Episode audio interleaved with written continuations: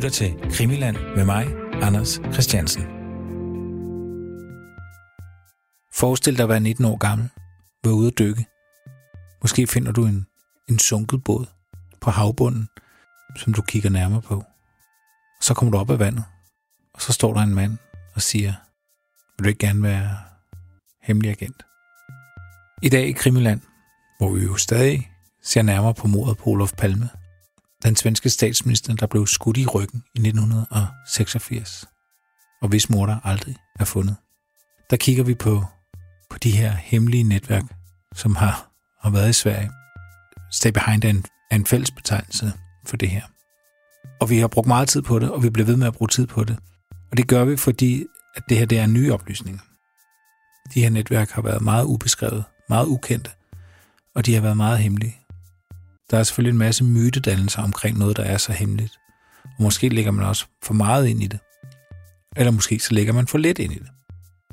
Under alle omstændigheder, så vil jeg sammen med dokumentarist Christian Kirkmuff kigge nærmere på et bestemt vidneudsagn, som er afgivet til Palme efterforskningen.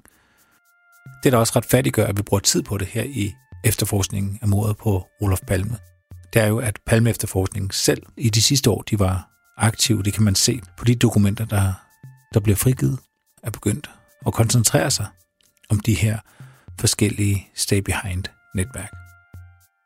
I dag der kigger vi på en agent, der hedder Gunnar Ekberg. Han er blevet afhørt af Palme efterforskningen tre gange, og så har han selv optaget en samtale med nogle gamle agentkollegaer, som han har videregivet til Palme efterforskningen.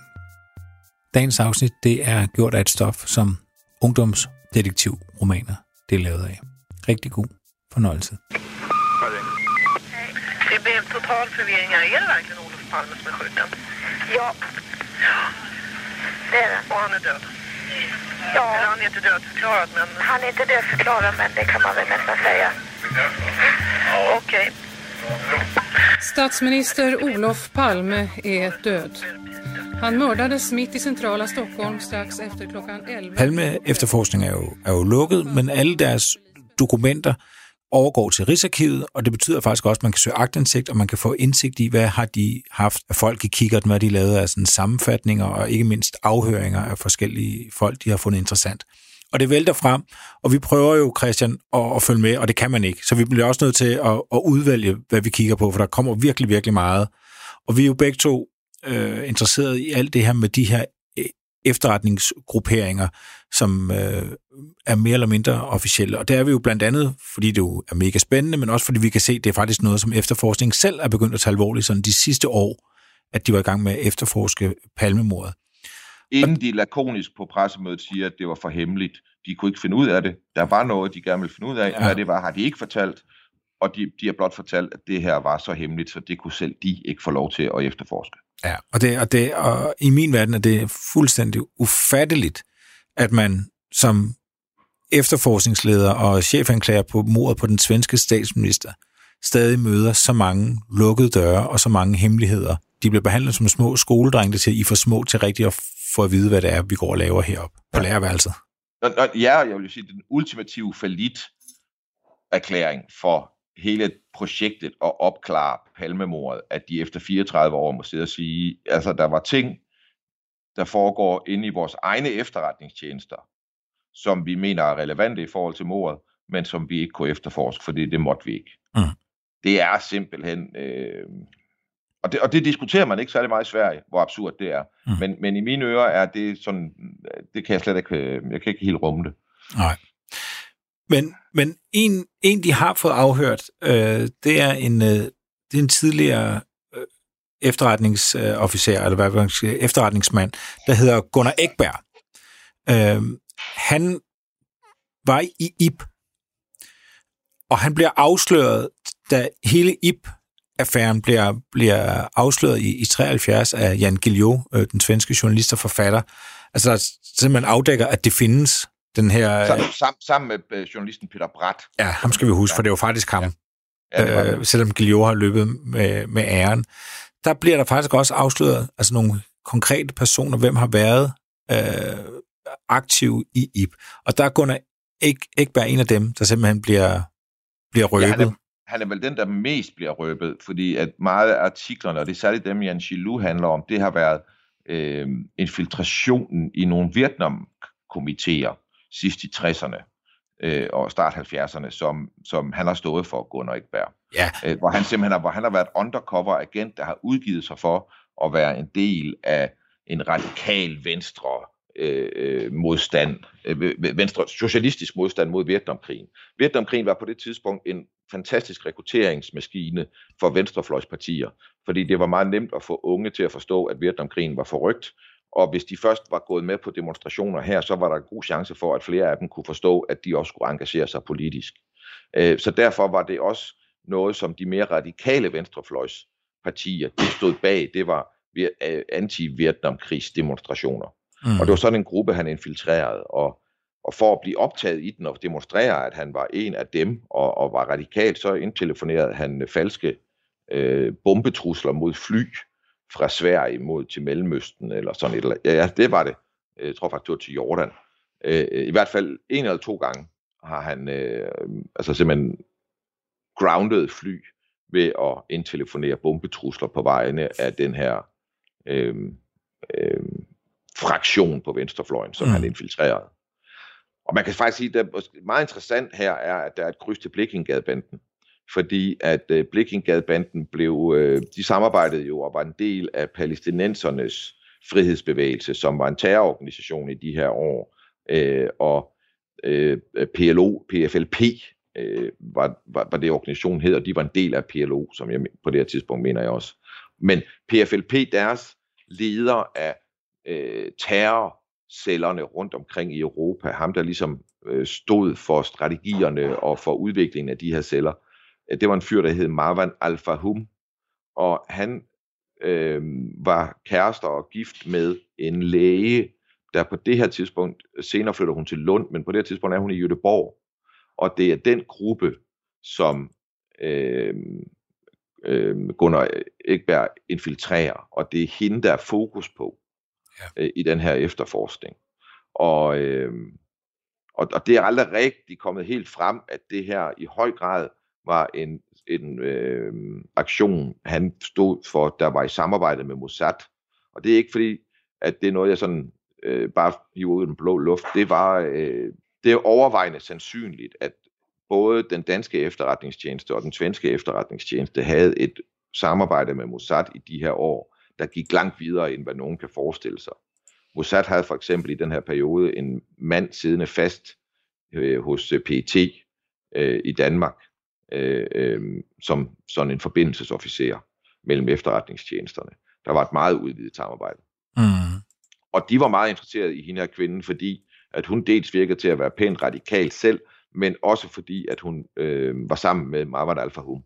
Det, det er deep undercover, han går her. Ja. Altså, han er, det her det er sådan, ligesom man ser det i film, øh, hvor der er en, der altså, virkelig bruger over sit liv på at bygge en falsk identitet, og så øh, altså, få personlige relationer til folk, Øh, øh, under falsk øh, under falsk navn og dække, ikke? simpelthen for at infiltrere dem. Og det er jo her, der altid er en mistanke og, og, og en bekymring for, at nogle af de agenter, man sender ind i de her miljøer, de kommer til at agere som agentprovokatørs. Øh, altså, at, at de ligesom kommer til at være dem, der driver øh, de her celler til at begå voldelige handlinger. Og det var noget af det, man har, som, som de senere forsvarer sig med de her venstrefløjsgrupper, at det var det, han havde gjort. Og man kan sige, at øh, Ekberg har også selv faktisk skrevet om det. Han udgiver en bog, der hedder De skal jo ændre dø, øh, hvor han faktisk fortæller om sin tid i, i efterretningstjenesten, og det er sådan mest omkring, altså op til han bliver afsløret i, i 73, hvor han også netop taler om, øh, om mange af de her ting, du, øh, du nævner. Øhm, han bliver afhørt af Palme-efterforskningen faktisk flere gange, Øh, men han gør det ret sent. Altså, vi har en afhøring i, i 18. Og, og de står, der står altid i øverst af de der afhøringer, hvorfor de bliver afhørt. Og, og vi må jo beklage, at der er jo en del overstregninger, også i den her afhøring med, med Gunnar Ekberg. Almindelige øh, mennesker må ikke vide, hvorfor han blev afhørt. Det kan, vi ikke, det kan vi ikke håndtere. We cannot handle the truth. Så det har staten besluttet i Sverige, at det er ikke for Ja. Det, det, det er ikke for børn, det her. Nej. Altså, der står simpelthen, at han, der står her, at han bliver informeret om, at han bliver afhørt øh, om oplysninger vedrørende sin kontakt med, og så ved vi ikke sin kontakt med hvad, samt sine øh, kendskaber til IP, som er det her informationsbureauen, som var den her øh, ja, øh, indtil 73 hemmelige efterretningstjeneste, som Socialdemokraterne... Var Elmers hemmelige efterretningstjeneste. Ja. Øhm, og så, så indledes forhøret med, at der står, at Gunnar kom via noget, vi ikke kan se, i kontakt med noget, vi ikke kan se. Gunnar lærte en eller anden at kende sent i livet. Så det handler meget om, det er svært at vide, hvad det egentlig handler om, men det handler om, at han altså har kendskab til en, en ældre mand, som, øh, som altså har været aktiv i, i, øh, i efterretningstjenesten allerede under krigen. Det er en del af det, han bliver, bliver, bliver afhørt om, men det er, det er åbenbart flere. Øh, det, det er en tre-fire personer, vi ikke kan se, som er maskeret, ja, og... som Gunnar fortæller om. Og så kan man spørge sig, hvorfor skal vi snakke om det her, når der nu er, vi ved ikke præcis, hvorfor han er blevet afhørt, og de her folk, han taler med, øh, øh, og som han refererer til, en interview. Jeg kan ligesom sige, der er, to, der er to dele i det her materiale med ham. Der er nogle interviews med ham, politiet har haft, og så er der øh, noget materiale, som er en afskrift, som han selv har lavet, Gunnar, af en samtale, han har tydeligvis optaget med hemmelige mikrofoner hvor han har haft nogle folk hjemme hos sig, ja. og, hvor de, og hvor de virkelig drikker igennem ja. og, og taler og, om ting. Øh, og det er fantastisk materiale, selv med de her overstregninger. Og det er derfor, det er værd at, at tage op, fordi der kan udledes mangt og meget her. Og, øh, og han er en fantastisk kilde. Han fortæller, øh, nu, nu refererer jeg bare nogle af de ting, han siger i selve afhøringen, og så kan vi vende tilbage til Fullemands øh, dokumentet øh, til, til sidst, tænker jeg, Christian. Ja, ja. Øhm, han, han fortæller blandt andet, at han øh, en af de her, vi ikke ved, hvem er, som han fortæller om, øh, har fortalt til Gunnar Ekberg, at han første gang så en, en mand blive skudt, det var, der var han 13 år, og det var ved øh, krigsafslutningen, altså 2. verdenskrig hvor han som 13-årig ved det her tilfælde var blevet sendt ind i Norge for at guide øh, norske modstandsmænd over grænsen. De, der var nogle tysker, der følger efter dem, og så er der, at svenskerne simpelthen øh, skyder tyskerne for øjnene af den her 13-årige dreng, som, som Gunnar så fortæller om. Det er simpelthen en 13-årig dreng, som laver efterretningstjenestearbejde i Norge, som, som, som som vi så ikke ved, hvem er, men som Gunnar Ekberg fortæller om, og som efterforskning er interesseret i at høre lidt om. Og, og, det, og det er jo bare, i de her dokumenter med ham bare alene, der har vi tre historier om, hvordan folk kom ind i den her verden. Ja. Der er den her, den 13-årige knægt, som bliver sendt ind over grænsen til Norge for at føre dem her i mulm og mørke ud, og det ender med, at de skyder tyskere for øjnene af ham. Ja. Velkommen til den hemmelige side. Ja. Så er der hans egen historie, Gunnar, om at han er ude at dykke i Østersøen på et russisk vrag og det er der nogen, der ligesom ser og hører om, og det er de så imponeret over, at de som 19-årige banker på hjemme hos ham ud af det blå, og indbyder ham til specialtræning i det her. Ja, det er rigtigt. Der kommer Gunnar selv ind som 19-årig. Øh, han, er, ja. han er netop øh, dykker, sportsdykker, og, ja. og dykker på russisk vav. Det er fuldstændig rigtigt. Også og, fantastisk og, for 19 år, undskyld jeg afbryder, men det er fantastisk ja, ja, for 19 år, mand, at komme op på land og har været ude at dykke, og så står der kraftet med en, en anden, der siger, du har nogle særlige evner, dem kan vi bruge i, i efterretningsøje med, ikke? Hvis jeg var 19 år, mand, og fik det at vide, jeg ville da være så glad. Ja, og så fik han en dato og et sted, han skulle møde op, og så mødte han op, og så gik han i gang med specialtræningen som, øh, som øh, angrebsstykker. Altså, det er, det er godt stof, hvis du er en eventyrlysten ung mand. Ja. Og så er der en anden af de der deltagere, som fortæller om, hvordan han blev vævet, og det var mens han var øh, afgjort øh, almindelig værnepligt, hvor der er en inde i barakken, øh, en af de andre værnepligtige, som øh, ligesom taber besindelsen på en eller anden måde, og, og stormer frem mod en gruppe, hvor, hvor, hvor ham her fortæller historien, at han står, og det gør han med en bajonet på hans, øh, på hans gevær, som om at han vil spide dem. Og der træder ham her ud af gruppen, og får ligesom taget ved geværkolben, og slået den nedad i en bevægelse, eller bevæger geværløbet, og, og slår det der geværløb ned i en bevægelse, der betyder, at kolben slår op i hagen på ham, der angriber, og slår ham ud, så han falder på gulvet, hvorefter han flår bajonetten ad, af, af, af geværløbet, vores fortæller her, og sætter det ned i munden på ham, der har angrebet, og siger til ham, der er ikke nogen kugle i, men hvis jeg støder til, så gør det lige så meget, så ødelægger den lige så meget. Og det står der en i baggrunden og kigger på. Og da der ligesom er faldet ro på det her, og han er blevet, enten hvad, hvad han nu er blevet sat i behandling eller i fængsel, ham her, der er angreb, så kommer der en hen til ham og siger, øh, de der evner, du lige demonstrerede der, skulle vi ikke øh, arbejde lidt med at formalisere dem? Og så bliver han pillet ud af sin almindelige mening, træning og ryger på specialtræning. Og så velkommen til den mørke side. Altså, jeg var ude at flyve, jeg fløj et fly selv, hvor jeg sådan et Fokker T-17, som er sådan et militær træningsfly, det prøvede jeg selv at flyve, da jeg var 30 ved en tilfældighed. Så endte jeg med ligesom at kunne have en mulighed for det. Og, og så, så gjorde jeg det. Og det, det, der, der er to af hver, du ved, det er ligesom i en bil, i en kørebil, hvor der sidder en ved siden af, der bare kan overtage, hvis du fucker op. Og, så, og der, altså, hvis jeg havde prøvet det som 18-årig, så havde jeg helt sikkert brugt mit liv på at flyve.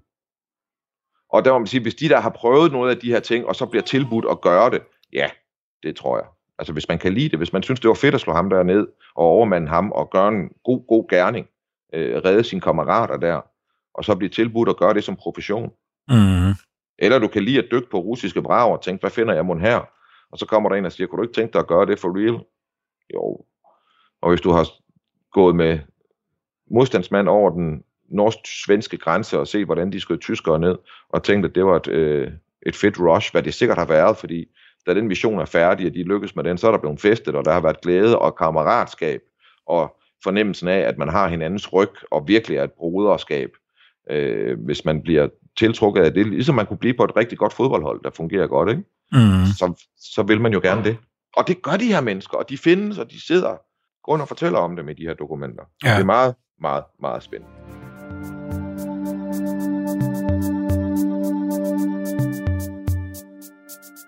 Så vidt vi kan se fra afhøringen, så er der en, en fire mennesker nok, som, øh, som de er interesserede i at høre mere om, øh, som vi ikke kan se, hvem er, og, og vi kan ikke helt vide dem. Der er en af dem, vi måske ved. Men jeg vil bare lige sige, helt konkret, så siger Gunnar Ekberg, Ip, Chris Ip og Stay Behind var, som han forstod det, en del af den samme koncern, og grænserne mellem de tre ting var meget flydende.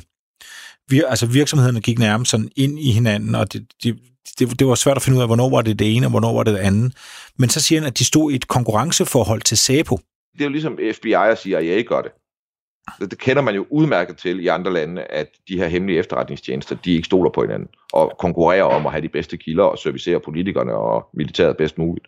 Og så siger han, at, øh, og det har vi også været inde på, men det, det bliver bekræftet her, han siger, at Stay Behind blev øh, udviklet øh, især efter krigen, altså startet under krigen, udviklet efter krigen, og til at starte med var det gamle SS-skubber. Altså SS. Øh, altså simpelthen øh, nazisoldater, som byggede det op i Sverige. Øh, amerikanerne kom ind og ville øh, hjælpe til, og det var de lidt i starten, men på et tidspunkt så beslutter Sverige sig så for at sige, de, de, det vil de selv gøre. Det er faktisk Tede Palm, øh, som vi har været inde på. Det var hans øh, store kongstanke, det var, at, øh, at svenskerne selv skulle stå for det. Men de arbejder, siger han selvfølgelig med CIA, og så siger de, at de har en, en base i Värmland. Så er den his- officielle historieskrivning er så, at så overtog Sverige det her selv. Mm. Ikke? Så skal du forestille dig, hvad gør CIA nu? Siger CIA så, det er godt, jamen Sverige vil gerne selv, det respekterer vi, det må vi heller lade være med nu. Nu, har vi, nu regner vi med, at hvis det bliver nødvendigt, så kan vi bare regne med, at de svenske netværk, de hjælper os, når der er en pilot, der er styrtet ned et sted og skal hjælpe. Du ved, forstår du? Vi ved, og det ved vi jo, at CIA finansierede OGX-organisationer op i 80'erne. Mm. Og det er Wallengarden, det er Åke Skubber, det er Leon-gruppen. Ikke? Mm. Ja. Så i hvert fald en vis finansiering af Leon-gruppen sker i 80'erne af CIA. Ja. Nu tager jeg, lige- der slutter vi lidt her, men det synes jeg godt, man kan sige. Ja. Altså hvis, her siger vi, at penge, der går til OGX igennem nogle af foreningerne inde i Wallengarden, de egentlig bliver brugt til at finansiere Leon-aktiviteter. det er dybest set det, jeg her hævder. Ikke? Ja. Og, og, øh, så det er bare for at sige, at den her historie om, hvordan det der det var, der skal man ikke bare så sige, "Nå, men så gik CIA hjem og lagde sig til at sove og regne med alt for godt i Sverige. De blev ved med at have deres interesser i Sverige. Og det, det er så også der, jeg vil hævde, at det var gennem Karl Armfeldt, som varetog det. Men det kan vi vende tilbage til en anden gang. Ja, Og et af de navne, som jeg føler mig ret sikker på, vi kan afkode øh, fra, fra maskeringen her, det er frøken Barbro. Ja. Øh, Barbro, hun er jo leder af, af Barbro-gruppen, som er, har der været en del snak om. Og jeg vil bare lige genopfrisk. Øh, det vi sådan har mest af hardproof på hende, øh, Barbro Sagnel, det er, at hun jo møder op hos øh, vores ven Fromstad, som er anti, øh, hvad er det, han er kontraspionagechef i SEPO. Og hun, hun møder op og siger, at vi, vi render rundt og, og overvåger øh, folk i Stockholm Indre By, øh, så lad være med at, at blande dig i, i mit arbejde. Og, og, og han er, og Fronstedt meget øh, forvirret og går til en chef og siger, hvem er hun? Og han siger, øh, chefen siger, det skal du ikke øh, røre ved. Øh, så hun er en, en mystisk dame, øh, som, som vi går ud fra, øh, har, har ledet en eller anden autonom øh, efterretningsgruppering, der hedder Barbro-gruppen, hvor de simpelthen blandt andet har til opgave, påtaget sig selv den opgave, at overvåge øh, svensker, venstreorienterede svensker, i, især i, i Stockholmsområdet. Ja, jamen, altså det man jo ved om det, det er, at det her, her er noget, der er vokset ud af den militære efterretningstjeneste. Ja. Øh, og, og, og Fronstedt er jo SEPO-mand, altså øh, han er jo politiets efterretningstjeneste på det her tidspunkt. Og det er jo der modsætningsforholdet er. Og vi ved om hende, at hun sad i, øh, var leder i frivillige radioorganisationen, som er søsterorganisationen, den civile søsterorganisation til Forsvarets radioafdeling øh, fra. Og mm. det er den vigtigste efterretningsafdeling, der er i øh, militæret, fordi det er fra, og det er noget af det, jeg har fået bekræftet i det her med, med Gunnar, øh, de her papirer, fra var dem, der stod for kontakten med udenlandske efterretningstjenester. Den, det var gennem en afdeling i fra, at det foregik. Øh, så det vil sige, det er den vej, der er blevet sendt og blevet modtaget efterretningsmateriale. Ja. Og det, det, og det, er ind i, det er ind i fra og, og den vej igennem, at Barbro Sagnel er forbundet med hendes gruppe af, af hendes fritstående gruppe på overfladen er forbundet med militæret igennem fro og fra. Ja. Det han siger, Gunnar, han siger, et navn vi ikke kan læse, var indblandet i dette, altså stay behind øh, netværkene. Og som Gunnar udtrykker det, så var den der, og så overstreget. Men det kan man se, det passer nogenlunde med, at der kan stå Barbro. Ja. Øh, og så siger han, ved et tilfælde var Gunnar selv, og så tre overstreget navne på besøg i hendes hus. Så der er, at det er en hendes hus på en af øerne inde i Stockholm. Huset lå højt oppe, og der havde de haft en radiocentral. Der fandtes et låst hemmeligt rum, som var sådan ind mod bjergvæggen. Og der havde de et våbenlær. Senere der har de været forbi, bare for at se huset, og der var en renovering i gang. Og der var de faktisk inde og se, altså det er mange år senere, hvor de så inde og se resterne af det hemmelige rum, der har været der. Jeg har set billeder af det der hus. Det passer fuldstændig med, hvor Barbro Sagnel bor. Og han nævner hende igen øh, senere. Skal jeg lige finde det her. Så siger han bare, at, øh, at, at Sagnel, hun bliver op, omtalt som en skrabdame. Øh, og hun havde altså på en eller anden måde gang i Stay Behind, og det var dem, som tog hold på, altså dem, der havde ansvaret for kommunikationsdelen. Og så siger han så, igen, så refererer han til den her base, som de har haft i Værmland. Og der har man en å eller en bæk gravet, og han, og han siger, en container ned med hemmelige ting. Altså det, det, det der vil jeg bare lige stoppe. Så vil jeg sige, palmemordet er forrygt, og de, der har hængt på i alle afsnit hertil, de ved, hvor mange forrygte, mærkelige ting, der forekommer inden omkring det her. Men det, der kommer nu, det kan jeg simpelthen, det er for mærkeligt også. Fordi nu bliver det her til en real-time, true crime skattejagt. Ja. Det er det, det gør. Bare fortsæt. Nu er det en skattejagt. Der ligger i Værmland i en å, der er der begravet under åen en container med hemmelige sager. Den ligger ifølge ikke Gunnar, men den kilde, som Gunnar har snakket med, tættere på dasset end på udhuset. Og den ligger et sted, hvor den her å den splitter op. Ja. Og det skulle være op omkring det der varmtland, Ja. op omkring deres hovedkvarter. Og hvis jeg forstår nogle af de her papirer rigtigt, så skulle der stå ting og sager i den her container, der angår palmemordet. Ja. Se, nu er man jo ked af, at man ikke har ubegrænsede ressourcer i sit liv. Fordi så havde man købt en rigtig stor spansk ovle og inviteret en masse arbejdsløse, der kunne få en god løn for at gå og grave derop sammen med mig.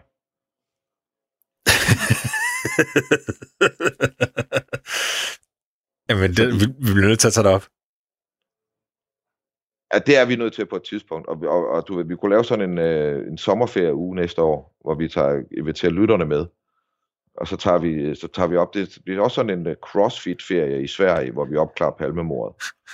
Vi går bare og graver huller i alle de åer, vi ser. Uh, true crime fitness eller sådan noget lignende. Ja, præcis. True crime fitness, det, det tror jeg, altså, det sælger. Men, men, det, men det er simpelthen det, han fortæller, uh, Gunnar Ekberg.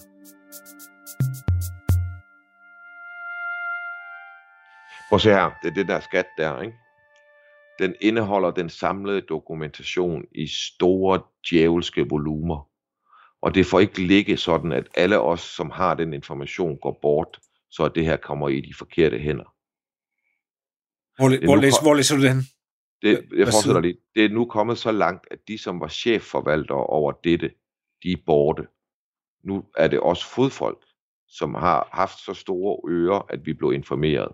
Nu er det vores ansvar. Pladen, magnetpladen med batterier, det er den, vi skal have fat i. Jeg ved det. Skal vi bruge metaldetektorer? Altså det her, det er side... Skal jeg lige finde her. 25. Ja, her nu. Altså det, åbenbart så er det sådan, at der, den kilde, den her vandkilde, der er der, den kan man få til, den kan man få til at dele sig sådan, at det her sted, hvor de har gravet det her ned, det kan ligesom blive tørlagt, mens man gør det. Prøv at se, hvad han siger. Prøv, prøv, prøv, prøv, hvad han siger her. D. Han siger, jeg har den ene koordinat. Ja.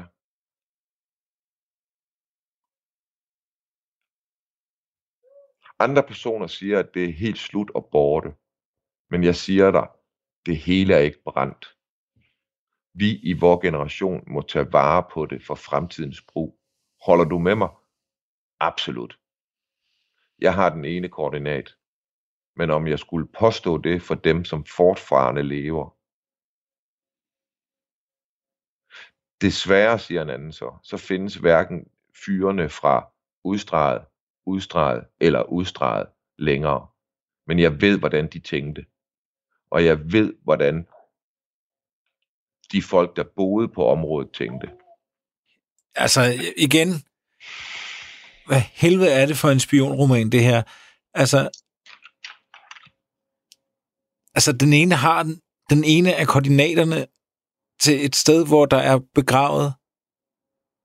Hvad, er det, hvad, hvad kalder han det? Den samlede dokumentation i store djævelske volumer. Ja. En af dem, som... Altså, det her kommer en... Altså... Når vi snakker om Åke her, ikke? lige i forlængelse af det her med det her, der er gravet ned, ikke? så er der en, der siger, jeg har. Du ved om de, som blev så meget interesseret i at forføre det af, og så kommer der en på tre bogstaver, der er streget ud. Og så er der en, ligesom sådan en uh, tankestreg, og så kommer der et ord, og så er der en tankestreg. Og, og der kunne stå Leon-gruppen. Øh, eller, og så står der ham, som var gift med, og så er det streget over. Så står der knivkaster og pistolskytte. Bedste øh, hvad hedder det, præcisionsskytte, jeg har øvet sammen med. Han var den vildeste. Tog mål på 16 meters afstand. 7-8 meter er rigtig godt for en hvilken som helst skytte. Og så siger der en anden, der siger, min, og så står det overstreget, her kunne der stå et eller andet onkel, eller et mentor, eller et eller andet, øvet med en pistol, hvor pistolpipen sad inde i, øh, hvad hedder det, jakke, øh, frakkeærmet. Nå, siger den anden, Remington Roland Block for, for, for enlige kugler, eller for indstikker kugler, jeg forstår ikke, hvad det er. Den er vidunderlig. Så havde han også, siger, fortsætter ham den ene, der så siger han, så havde de også et havgevær, som de kaldte for, som de kaldte for plæneklipperen. Ja, nå, ja, okay, så kort skulle der klippes, siger den anden så, og så siger ham her, en, en tredje, han siger, ja, den blev også kaldt trivselssprederen. Det er en af de våben, han ser op hos øh, Barbro. Op hos, op hos. Barbro, der siger han, han, øh, han ser et, et våben, som de kalder øh, plæneklipperen. Som er netop et oversaget jagtgevær. Det er et af de våben, der er i, øh, i det våbenlærer. Og i lige forlængelse med det, der snakker de om dans, så siger de, han havde meget at gøre med danskerne. Og så er der en anden, der siger, en ukendt, der siger, en af de rolige, altså en af de gode kilder, en af de gode fyre der, var ham danskeren streget ud. Han arbejdede med at tage imod faldskærmsvåben på klitterne på den stykke side, altså på den grimme side af Danmark, hvor det ser ud mere som Sahara. Han var fantastisk til at lave mad.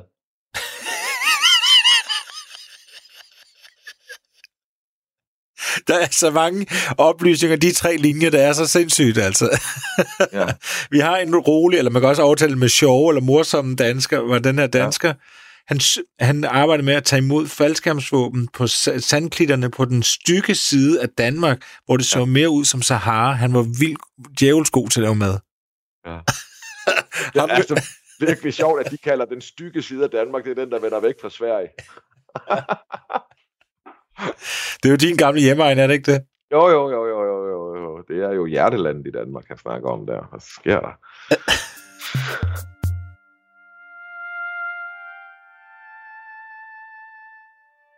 Og han siger også, at de alle sammen, altså de hemmeligste af de hemmeligste, siger han, de mødtes en gang om året.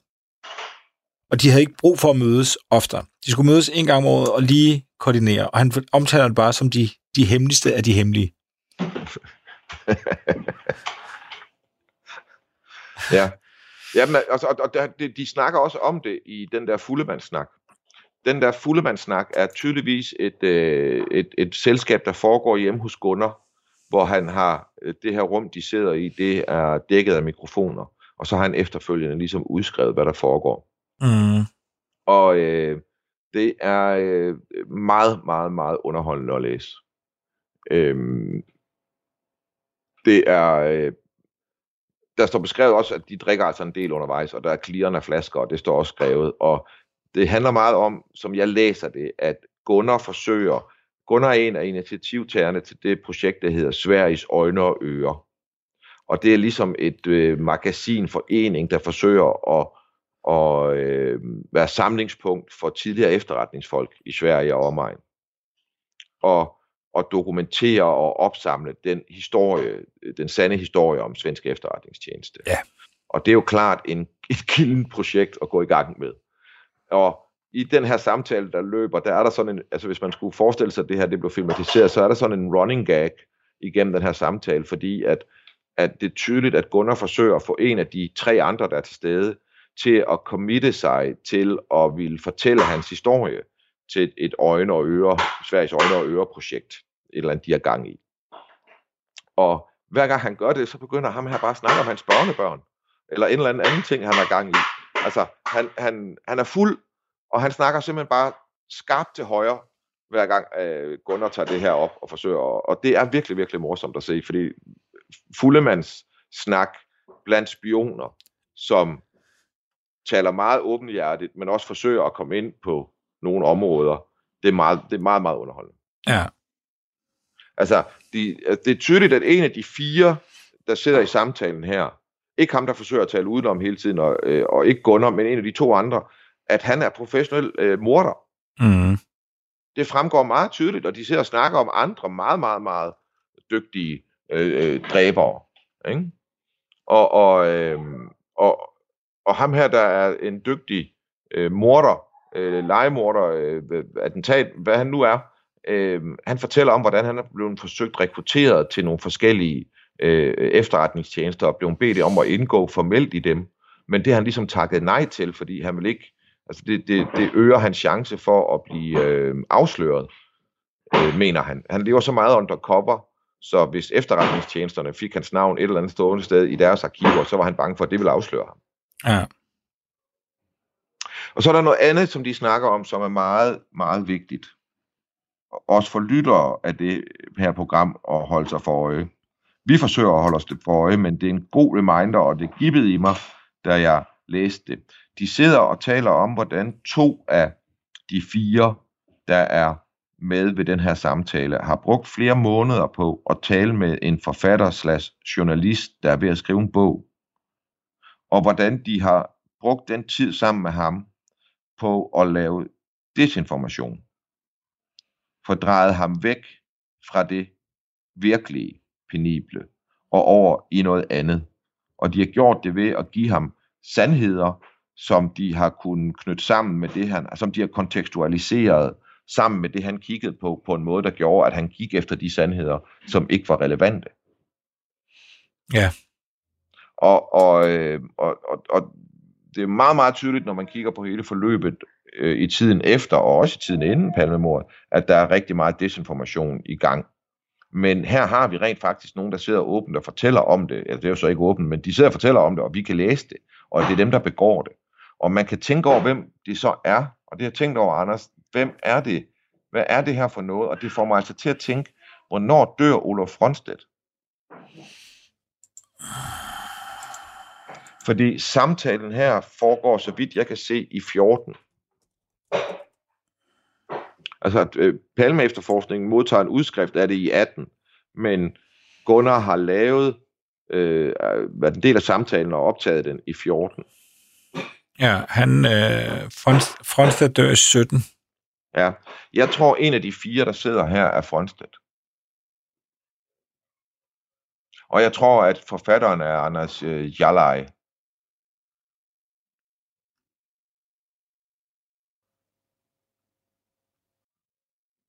Nå. Prøv at indvige mig lidt i øh, din overvejelse her. Vi ved, at Anders Jalajs bøger bygger på gamle efterretningsfolk. Mm. Deriblandt i høj grad øh, P.G. Næs og øh, Anders Jalaj. Ja, Fronstedt. Nå, ja, ja, ja Fronstedt og, og, og P.G. Næs, ja. Mm. Øh, Jeg vil lige sige, Anders Jarlej, til dem, der ikke skulle vide det, han er selv en gammel militærmand, og, og så har han skrevet en række bøger om øh, mordet på Olof Palme, men han, han gør tit det, at han laver et, et fiktionslag, men han laver, har samtidig også en blog, hvor han altså hvor det er straight up, øh, altså dokumentaristisk, hvad han har, han har fundet ud af. Og han har et særligt godt øh, forhold til, til Fronstedt, det ved vi. Ja, han, ligger, han har lavet lange interviews med ham, som også Ja. er på video og sådan noget. Ikke? Ja. Øh, altså hvis man, igen, hvis man havde øh, ressourcerne her, så ville jeg sætte mig ned og få udskrevet de der øh, interviews med Fronstedt på video, som vi ved, som vi har set, og så se, om der er vendinger, der passer med nogle af figurerne i den her afskrift fra Gunnar Ekberg. Ja. Fordi jeg, kunne- jeg kunne forestille mig, at man godt kunne lave sådan en eller anden øh, øh, sproganalyse, sprogbrugsanalyse, af, der kunne påvise, at han sikkert, at der var en af de fire anonyme i samtalen her, som er ham. Men altså, det, det, er ikke, det er bare, du ved, det de snakker om, det snakker om Barbro, øh, øh, hvor mange, øh, altså det er, ty, det er tydeligvis meget gamle mænd, der sidder og taler om at nå at sidde, og der taler om at nå at fortælle den sande historie, inden de dør. Og man kan sige ligesom, at øh, Gunnar Ekberg, han startede som, øh, som, som dykker. Øh, så har Anders Jarler faktisk øh, også været det. Han har været kustjæger. Øh, og har også dykket efter, efter vrag øh, i, i 90'erne. Så han kunne meget vel være en yngre generation inden for, for de samme. Men altså, det er selvfølgelig frustrerende, at, øh, at vi har en 3-4 navne her, øh, som, som er svære helt at afkode. Altså, du gætter på Fronstedt. Barbro er vi ret sikre på, at det er dels, hun bliver omtalt som en hund, og der er ikke så mange kvinder, der er blevet nævnt i sammenhæng mellem i sammenhæng med, med, med efterretningsarbejdet i, på den tid, og så øh, beskrivelsen af hendes hjem passer meget Ja, godt og- af en beskrivelse, vi, vi kender. og lige bagefter snakker de om noget, som hvis man sætter bogstaver ind, der du ved, ser på, hvor, la- hvor lang er overstregningen osv., så, så passer det med, at de snakker om Leon-gruppen, og de begynder at derefter at referere til lederen af den gruppe som en, der har tre bogstaver. Og der kunne jo meget vel stå Åke. Det kunne der. Øh, men, men igen, det, og det giver mening i så fald, så, så, så giver det mening, det der står her. Ikke? Ja. Men du, du nævner det her med desinformation. Det nævner jo, altså dels snakker de om det i den her, og det skal vi også bare lige sige, det er jo, det er jo fantastisk læsning. Altså der er to øh, reelle altså, afhøringer af Gunnar Ekberg, de er sådan sammenskrevet, og så er der det her lange transkriberede udskrift af en optagelse, ja, som, som er den her optagelse, som Gunnar Ekberg selv har lavet, og det er rent, den er, det, det, altså, om man er interesseret i Palme eller ej, så er det bare fantastisk læsning at læse sådan en, en, en, en fuldemandsaftale, hvor der er en, der snakker i øst, og den anden snakker i vest, og der er flasker, der kliger og alt muligt, og en, der skal tage sin medicin, og jeg ved ikke, hvad der er, der foregår i den samtale. Ja. Øh, altså, det er balstyrisk. Virkelig. Glasene kommer frem, står der. Værmuten kommer frem, står der. tag, din med, tag din medicin, er der en, der råber. Ja.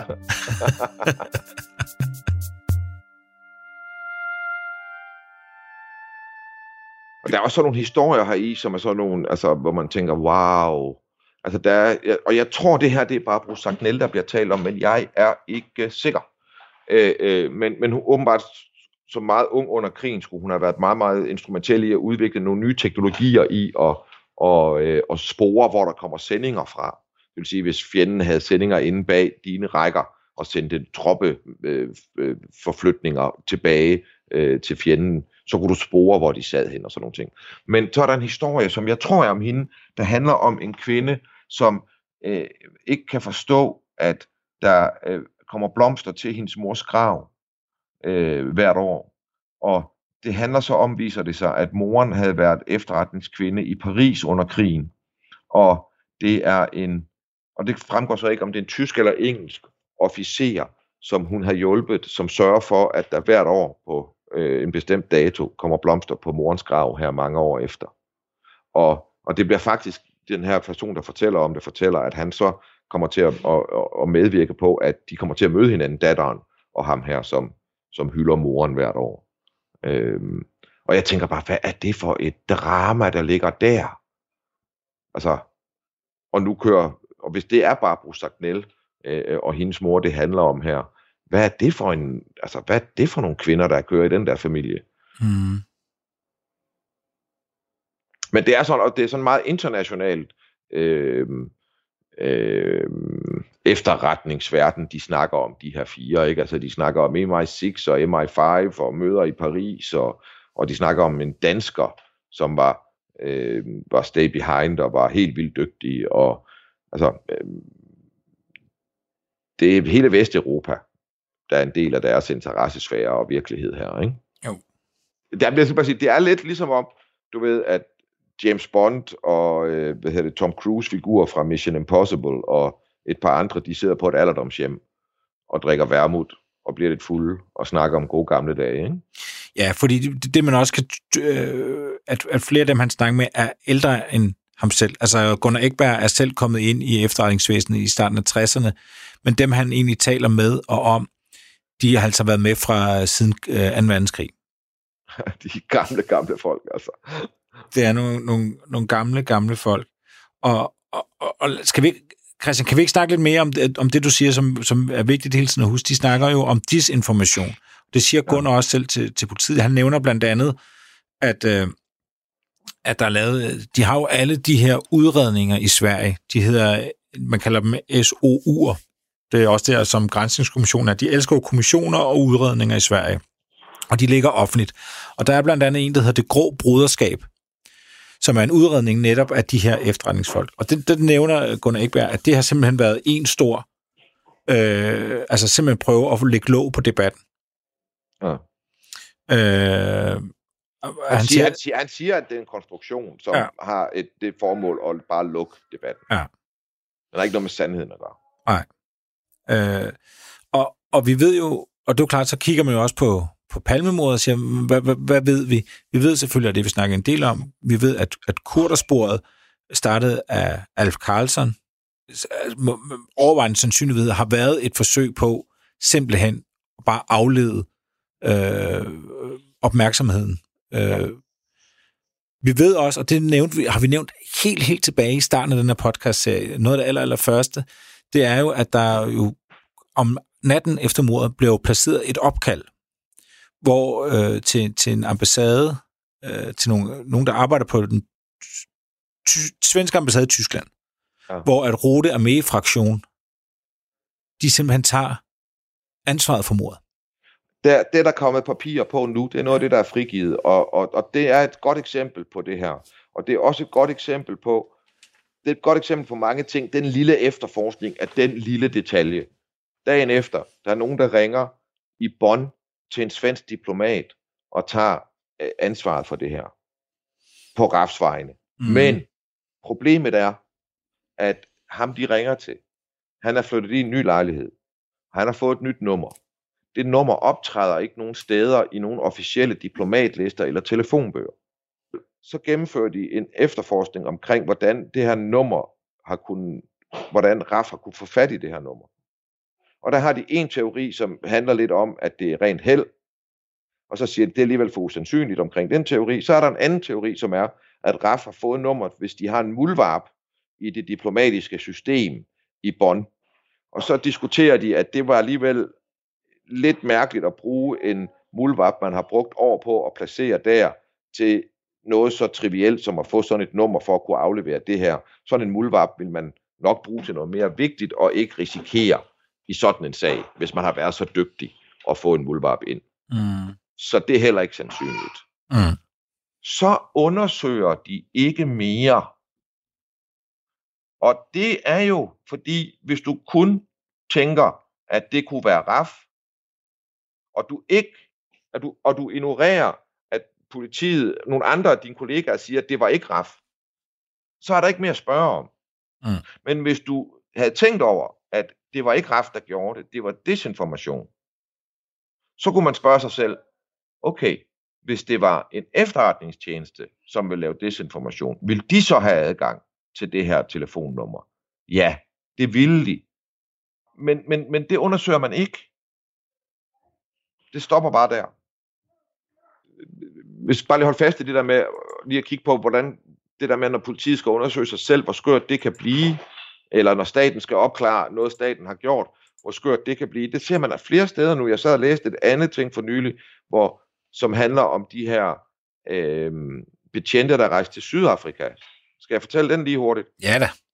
Hvad hedder det? Og, og, og der undersøger politiet så, om i forbindelse med, at der er nogle betjente, der er rejst til Sydafrika, om de så har arbejdet sammen med politiet, har fået træning dernede, du ved.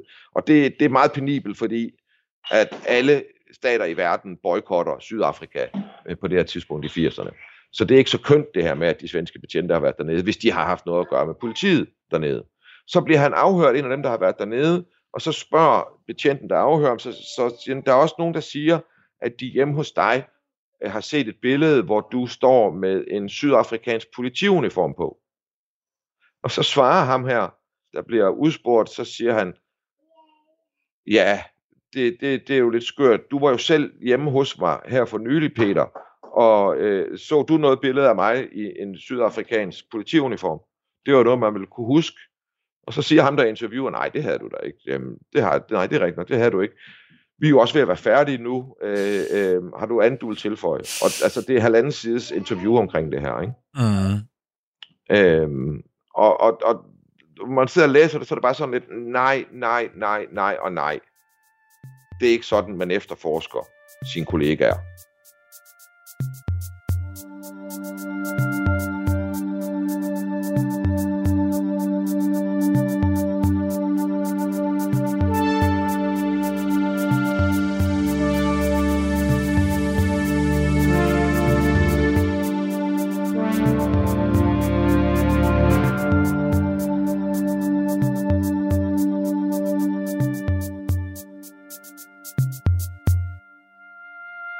Programmet er produceret af Wingman Media for Radio 4.